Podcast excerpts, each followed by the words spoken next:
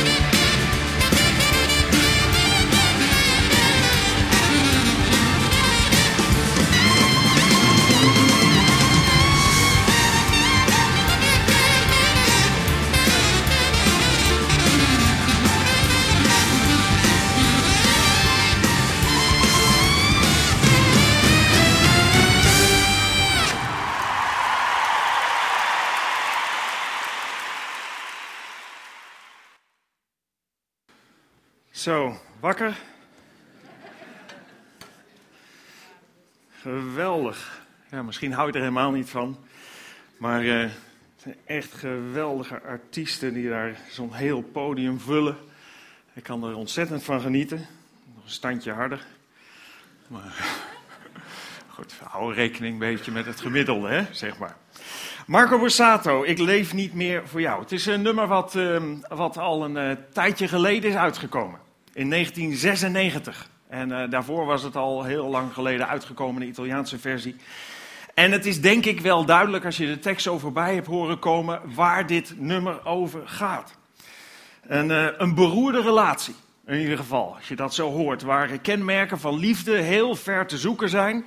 En ehm, waar iemand zich na jaren misschien wel, zegt het lied niet, uit ontworsteld heeft. Eindelijk vrij, wordt gezongen. En eh, het zal hier gaan, zei ik al, over een liefdesrelatie, maar ook in andere relaties kunnen kenmerken voorkomen zoals we zoals we in dit lied naar voren kwamen. Ook in vriendschapsrelaties, ook binnen familierelaties, op je werk, waar eigenlijk geen vrijheid is in de relatie. Waar je misschien wel enorm geclaimd wordt in een relatie en, en niet echt de ruimte om, om te doen wat jij belangrijk vindt en waar er misschien wel over je geheerst wordt. Nou, het kan zijn dat jij die ervaring hebt. Ik hoop het niet. kan zijn dat je die ervaring hebt. kan zijn dat je er middenin zit. Ja, ik kwam er zo'n twintig jaar geleden achter dat ik ook zo'n relatie had. En ehm, dat was niet met Ellen dat ik zo'n relatie had, zoals in dat lied naar voren kwam. Met Ellen ben ik inmiddels 28 jaar gelukkig getrouwd en daar zou ik dit lied niet voor zingen.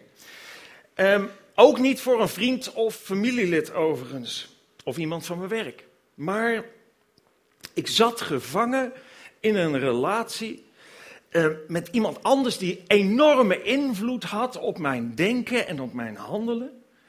En op wie eigenlijk de hele tekst van dit lied van toepassing is. Toen ik dit nummer, en ik weet niet wanneer het was, maar lang geleden voor de eerste keer hoorde, toen had ik direct een andere associatie bij de tekst. Natuurlijk, het is duidelijk waar de tekst over gaat in zekere zin, maar ik had er ook direct bij het hele plaatje wat daar voorbij kwam, een andere associatie. Anders denk ik dan de tekstschrijver bedoeld heeft. Dit is een lied dat ik twintig jaar geleden had kunnen zingen toen ik besloot mijn leven niet langer te laten regeren door het kwaad, door de tegenstander van God, maar ervoor koos om mijn leven door God te laten leiden. En dat proces bij mij, je weet nooit precies waar een proces begint, maar het proces wat bij mij echt op gang kwam en tot die beslissing leidde, dat had niet in eerste instantie te maken met wat ik erover hoorde, over het geloof hoorde, dat ik tot die besluit kwam. Maar in eerste instantie eigenlijk wat ik van gelovigen zag. Ik kom zelf uit een gereformeerd gemeentenest. Voor degene die het wat zegt. Mijn ouders gingen later over naar gereformeerd synodaal. En, en toen ik in de puberteit kwam, toen had ik het gezien en, en liet de kerk eigenlijk achter me. Maar ik heb twee momenten gehad in mijn leven dat ik enorm werd getroffen door de liefde van God. De eerste keer was ik 14 jaar. Dat weet ik me nog goed te herinneren bij een concert waar, waar een Close Harmony, een gospelgroep, zong. Waar ik enorm werd aangeraakt. Zelfs zo dat ik zei van ik wil zoiets niet meer meemaken. Want ik kon helemaal die gevoelens niet handelen. En de tweede keer was eigenlijk een periode veel later. Dat was toen ik als geluidstechnicus drie weken mee was met televisieopnamen van de evangelische omroep. En ik was op reis door Turkije die drie weken met Henk Binnendijk, uh, een heel team van de EO en met twaalf jongeren. En we waren dat programma aan het opnemen, Een Wereld van Verschil. Misschien heb je het ooit gezien, het heeft een aantal jaren is het geweest. En voor mij werd dat een wereld van verschil. En wat mij zo raakte, was eigenlijk niet in eerste instantie die Bijbelstudies die we opnamen. Sterker nog, soms stopt me dat een beetje tegen of, of begreep ik het niet allemaal. Maar wat mij enorm raakte was de onderlinge liefde die ik zag in die groep mensen van de EO, maar ook die jongeren, allemaal rond de 20, 22 jaar. De manier waarop ze met elkaar omgingen, de vrede die ze ervoeren, de hoop die ze hadden, de zekerheid die ze hadden in hun geloof, waar, ik, wat ik niet op die manier kende, de tevredenheid, noem maar op. Dat raakte me. Dat raakte me enorm.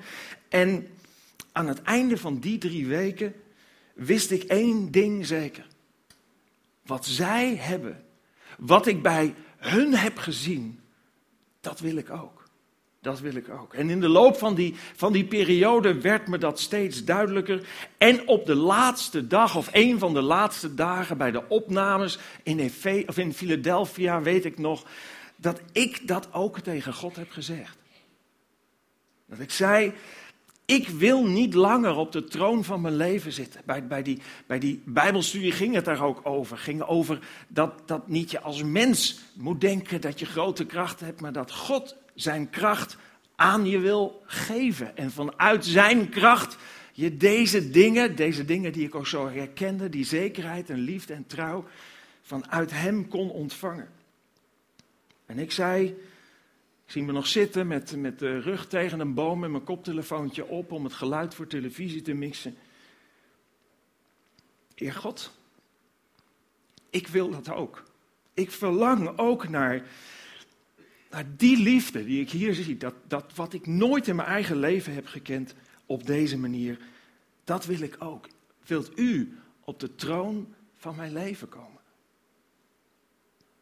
En dat heeft mijn leven drastisch veranderd. En later, toen ik dit lied van Marco Borsato hoorde, dacht ik, dat is in wezen de keuze die ik toen heb gemaakt. Toen zei ik, ik leef niet meer voor jou. Voor die, voor die tegenstander van God die mij als het ware in zijn greep en in zijn macht had en mijn leven beïnvloedde, zodat ik maar op zoek bleef, maar niet vond waar ik naar verlangde.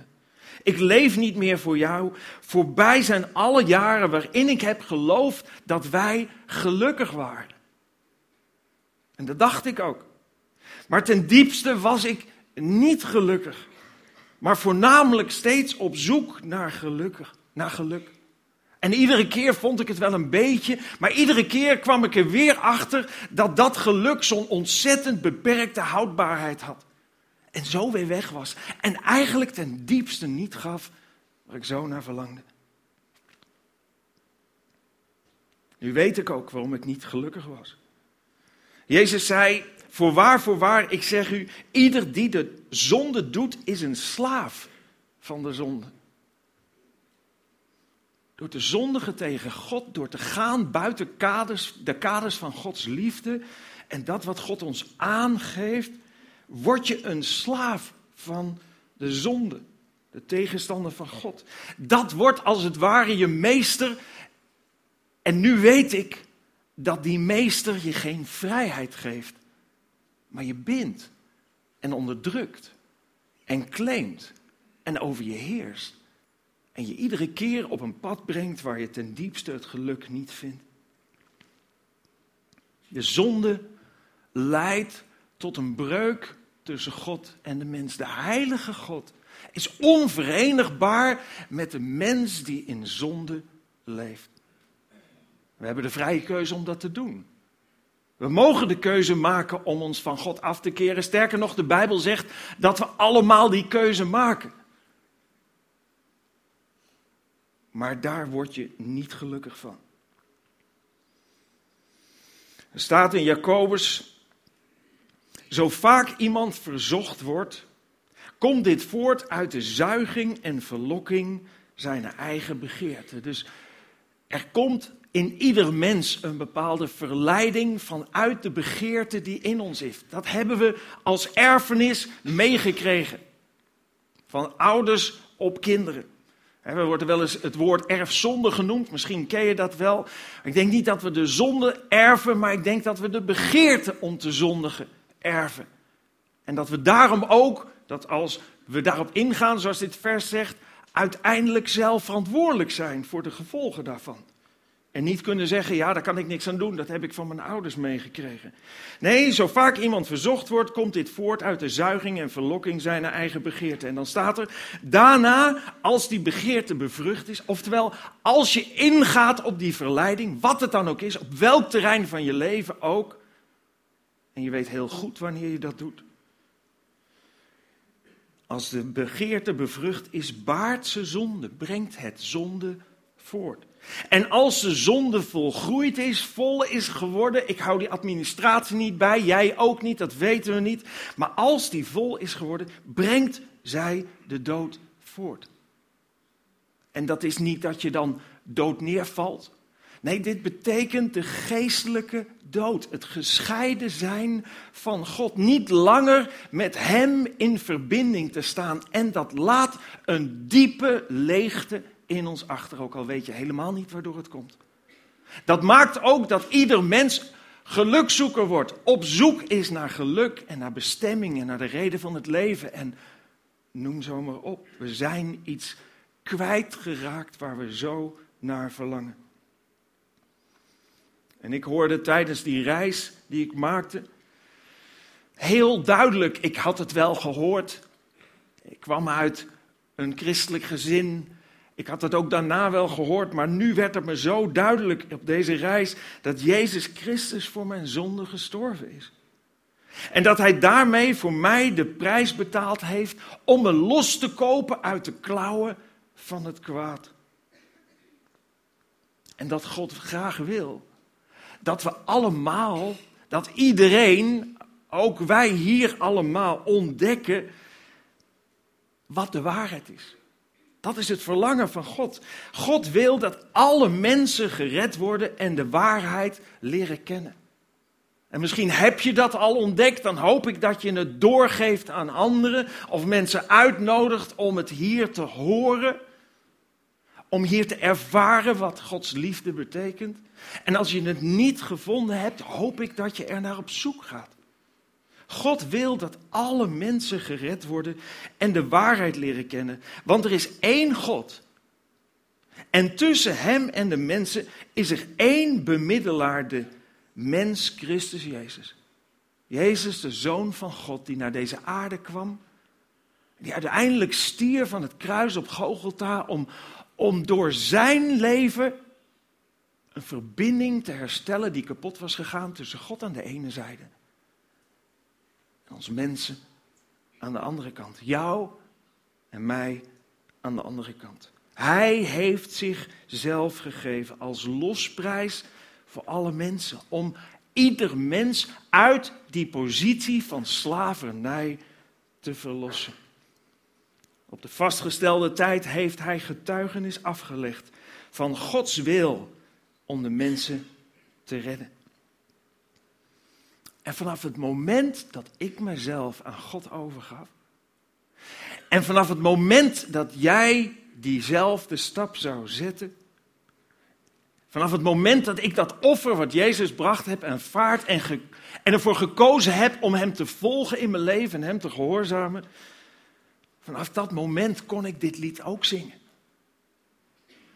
En nu het leven weer van mij is. Mijn hart sinds lange tijd weer vrij is. Ben ik zo blij dat het voorbij is.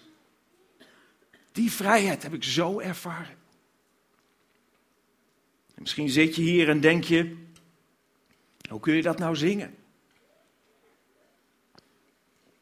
Hoe kun je dat nou zingen terwijl de Bijbel vol staat met regels en wetten? Het christelijk geloof is toch eigenlijk niets meer dan een andere slaafse onderwerping aan regels en wetten? Hoezo vrijheid? Je gaat van, van, van de ene onderdrukking in de andere. Nou, dat kan het inderdaad zijn. Dat kan zo zijn. Het kan zijn dat je daar je leven lang al in zit. En ook daar heeft het kwaad, de Satan, een flinke vinger in de pap. Want denk niet dat het kwaad zich niet bemoeit met het christelijk geloof, zich afzijdig houdt en andere enge dingen doet. En de kerk, want juist daar is veel winst te halen. Het kwaad zet de mens of aan tot het volledig negeren van Gods kaders. Of zet de mens juist aan tot slaafse gehoorzaamheid aan bijbelse regels en wetten.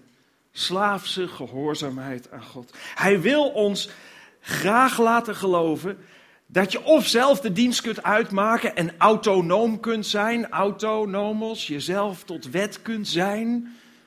Of hij wil ons graag laten geloven dat we door slaafse gehoorzaamheid aan God en vroom gedrag en het netjes bezoeken van de kerkdienst en noem allemaal op, een plekje in de hemel kunt bemachtigen. Een soort weegschaal. Ik heb hier wat fout gedaan, ik doe wat goed er tegenover en dan is het wel weer in balans. Maar beide is een leugen. Het eerste is rebellie tegen God. Het tweede is religie. Dat is niet een relatie met God, maar eigenlijk een voortgang van slavernij. En beide brengt je ten diepste niet waar je naar verlangt. Of je nu altijd God en zijn kaders hebt genegeerd, of dat je uit slaafse motieven gehoorzaam bent geweest, het is om het even. Beide leidt tot gebondenheid. Want geen van beide gaat uit van de liefde voor God en je medemens. Terwijl dat de kern is eigenlijk waartoe ieder mens wordt opgeroepen. Heb God lief met heel je hart, met heel je ziel en met heel je verstand en je naaste als jezelf. Waar het om gaat is dat je gaat begrijpen dat God echt van je houdt. Dat hij je kent. Dat hij een doel heeft voor je leven. Dat hij je niet wil onderdrukken of wil onderwerpen aan slaafse gehoorzaamheid. Dat voor alles hij verlangt om een relatie met je te hebben, om in contact met je te zijn. En daarvan uit, als die relatie ontstaat, dan krijg je vanzelf het verlangen om God te dienen. Om Hem te gehoorzamen. Om Hem daarmee te eren en om te gaan ervaren dat de kaders die God geeft, wanneer je ze uit je eigen verlangen om lief te hebben gaat gehoorzamen, dat die kaders dan werkelijk ook een fantastisch mooi effect in je leven hebben. Vaak denken mensen dat in God geloven een soort gevangenschap is, maar ik ervaar dat het geloof een enorme bevrijding geeft. En daarvanuit vind ik het fantastisch. En verlang ik er ook naar om, om tegen God te zeggen: Wat wilt u dat ik doe? Welke kaders en welke richtlijnen geeft u mij zodat ik veilig ben? Zodat ik uw zegen ten volle kan ervaren? Sommigen ervaren de richtlijnen, de kaders, de wetten die in de Bijbel staan als een soort van, van belemmering. Maar God geeft dat niet als belemmering. God geeft ons die kaders omdat hij zoveel van ons houdt, dat hij wil dat we veilig zijn. En dat we Hem daarmee eren. Koning David zei in een lied lang geleden: De richtlijnen van de Heer zijn volmaakt. Niks op aan te merken. Ze geven levenskracht. Wat de Heer afkondigt is betrouwbaar. Het maakt de onervarene wijs. En wie wil dat niet? Wie wil er nu een beslissing nemen waar je over een poosje ontzettend spijt van hebt, omdat je niet hebt kunnen overzien wat de consequenties van je keuze waren? Het maakt de onervarene wijs. Wat de Heer beveelt is juist. Het is een bron van vreugde. Wat de Heer gebiedt is zonneklaar. De ogen gaan ervan stralen. Dat is wat die kaders doen als ze niet een juk voor je zijn, maar een verlangen. Het woord van de Heer is zuiver. Altijd blijft het gelden. De uitspraken van de Heer zijn betrouwbaar. Hun juistheid valt niet te betwisten. Ze zijn begerenswaardiger dan goud, dan het allerzuiverste goud. Ze zijn zoeter dan honing, dan honing zo uit de raad. Ze blijven altijd gelden, stond er. Altijd. Het is niet ouderwets wat er in de Bijbel staat. Alle thema's van het leven komen erin voor. In alle onderdelen wil God onze richting geven. God weet wat ons gelukkig maakt. Hij weet wat goed voor ons is. Vandaar ook deze dringende oproep in de Bijbel. Vertrouw met heel je hart op de Heer. En verwacht het niet van je eigen verstand. Niet omdat je dom zou zijn of zo. Maar omdat we gewoon een heleboel dingen niet weten, niet kunnen weten. En dan is het woord van God, de Bijbel, rijkdom en de leiding die Hij ons wil geven, rijkdom om zijn weg te volgen. Laat God delen in alles wat je doet, dan kan Hij je levensweg bepalen. Ga niet op je eigen oordeel af, maar koester ontzag voor de Heer en ga het verkeerde uit de weg. Is dat altijd de gemakkelijkste weg? Nee. Is dat altijd de aantrekkelijkste weg? Nee. No pain, no gain, zeggen we wel eens. Juist die groei en ontwikkeling gaat door een stukje lijden heen. Is het waarom altijd te begrijpen waarom God vraagt om bepaalde dingen te doen? Nee, maar dat alles bij elkaar is wel de weg naar geluk. En ik hoef God niet altijd te begrijpen om Hem te gehoorzamen.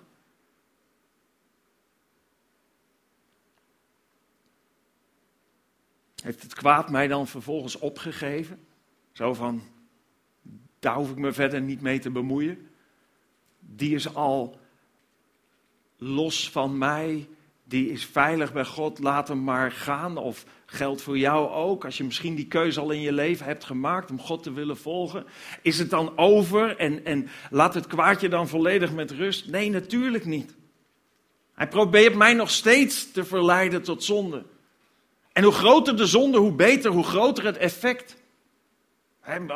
Als, als de tegenstander van God ervoor zou kunnen zorgen dat hij me verleidt tot, weet ik veel, overspel of wat dan ook, dat zou prachtig zijn. Als het hele werk hier bij de basis voor mij ten einde, dat zou fantastisch zijn. Nee, daarom moet je alert blijven. De Bijbel staat, biedt weerstand aan de duivel en hij zal van u wegvluchten. Het is een, een mindset die je moet blijven vasthouden. En dit is eigenlijk een mooi lied om dat mee te doen. Misschien moet je het iedere morgen als je naar je werk rijdt of wat dan ook, even knalhard in je auto laten draaien of waar dan ook op je Walkman. Ik leef niet meer voor jou. Hoppa. Dan weet je het voor vandaag. Ik leef niet meer voor jou. Je hoeft niet te proberen om hier te blijven staan en mij te domineren. Move. Ik heb te veel moeten verduren. Ik heb genoeg van al jouw kuren. Dit is, dus het is tijd je weg te sturen. Want dat probeert het kwaad wel te doen. Je te domineren, trucjes te bedenken om je wel te verleiden. Dus daarom moet je alert blijven. Je kunt niet achterover zitten en denken: ik heb het allemaal wel onder controle. Nee, dicht bij God blijven is de weg die veilig is. In Efeze staat: rust u uit met de wapenrusting van God. Om daarmee stand te houden tegen de krijgslisten van de duivel.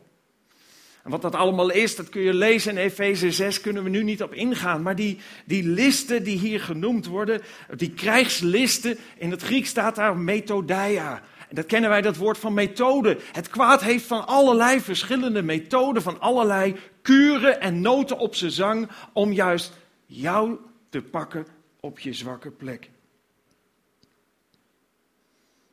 Laten wij nooit ophouden met goed doen.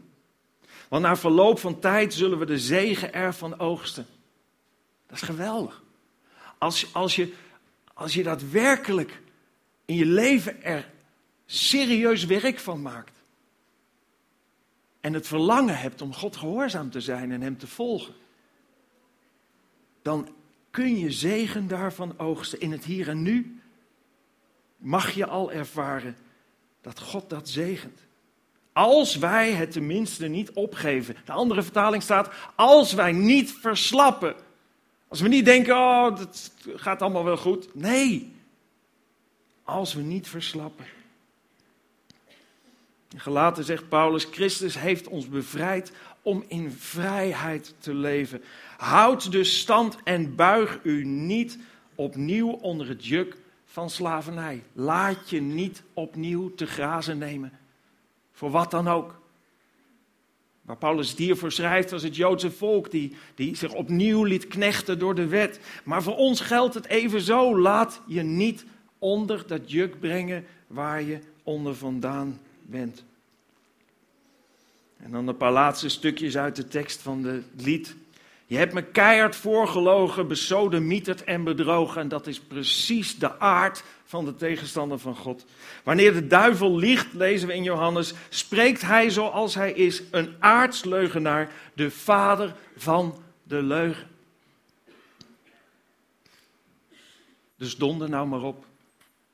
Ik kan er niet meer tegen. Jezus zei het iets netter, maar niets min, niet minder resoluut. Hij zei: Weg jij Satan, uit mijn ogen. Je staat me in de weg. Want je hebt niet bedacht op wat God wil, maar op wat mensen willen. En dan sluit het lied af met: Vaak heb jij me laten zakken. Ik heb je genoeg van al je makken. Je moet gewoon je spullen pakken. Ik leef niet meer voor jou. Ik hoop dat iedere keer wanneer je dit lied hoort, of misschien zet je het wel ergens neer dat je het af en toe hoort, dat je hierbij bepaald wordt. de keuze die je misschien hebt gemaakt al, om je duidelijk af te keren tegen het kwaad, het offer van de Heer Jezus aan te nemen, die jouw prijs heeft betaald om je los te kopen en daarmee ook de relatie met God te herstellen. Dan hoop ik dat je dit zingt om je iedere keer te realiseren, die keuze heb ik gemaakt. Ik leef niet meer voor de tegenstander van God, ik leef tot eer van God. En ik laat me niet meer beetnemen. Aan de kant, weg. Als je die keuze misschien niet hebt gemaakt, of je zit en, en maar niet gewend bent in een kerk te komen, misschien door iemand bent meegenomen, ik hoop dat je erover na wilt denken. Want ook jij bent op zoek naar hetzelfde waar ik naar op zoek was. Ieder mens is op zoek naar geluk, naar vrede in zijn hart, naar hoop, naar onvoorwaardelijke liefde. En ik heb in mijn leven ontdekt, alleen God, de schepper van hemel en aarde, is daar de bron van. En God doet je één belofte. Hij zegt, wie zoekt, zal mij vinden. Misschien kun je je daarna uitstrekken. Kun je zeggen, God, ik, ik, ik, ik ken u niet. Ik, ik weet ook niet tegen wie of wat ik spreek, maar als u bestaat. Als u die bron van liefde en leven en rust en hoop, zelfs voor over de grens van de dood bent, wil ik u leren kennen. Leid mij naar u toe. Dan mag je weten dat God dat gebed zal verhoren en je de weg naar Hem zal wijzen. We zullen bidden en danken. Dank u wel, Heere God, dat u zoveel van ons houdt, Heer. Bijna iedere bladzijde van de Bijbel zien we daar wel weer iets van terug. U had zo makkelijk kunnen zeggen tegen de mensheid van alle tijden: joh, als je mij niet wil volgen, dan zoek je het maar uit. Als jij je wil verbinden met het kwaad, dan moet je daar maar van ondervinden wat de gevolgen zijn. Zo is God niet. Dank u wel, Heere God, dat u een God van liefde bent. Dat u barmhartig bent en dat u wilt vergeven. Dat u het verlangen heeft dat die relatie die kapot is gegaan door de zonde hersteld wordt. Heer, geef ons, geef ons kracht om het niet op te geven. Geef ons kracht om u te vinden. Geef ons kracht om niet te verslappen.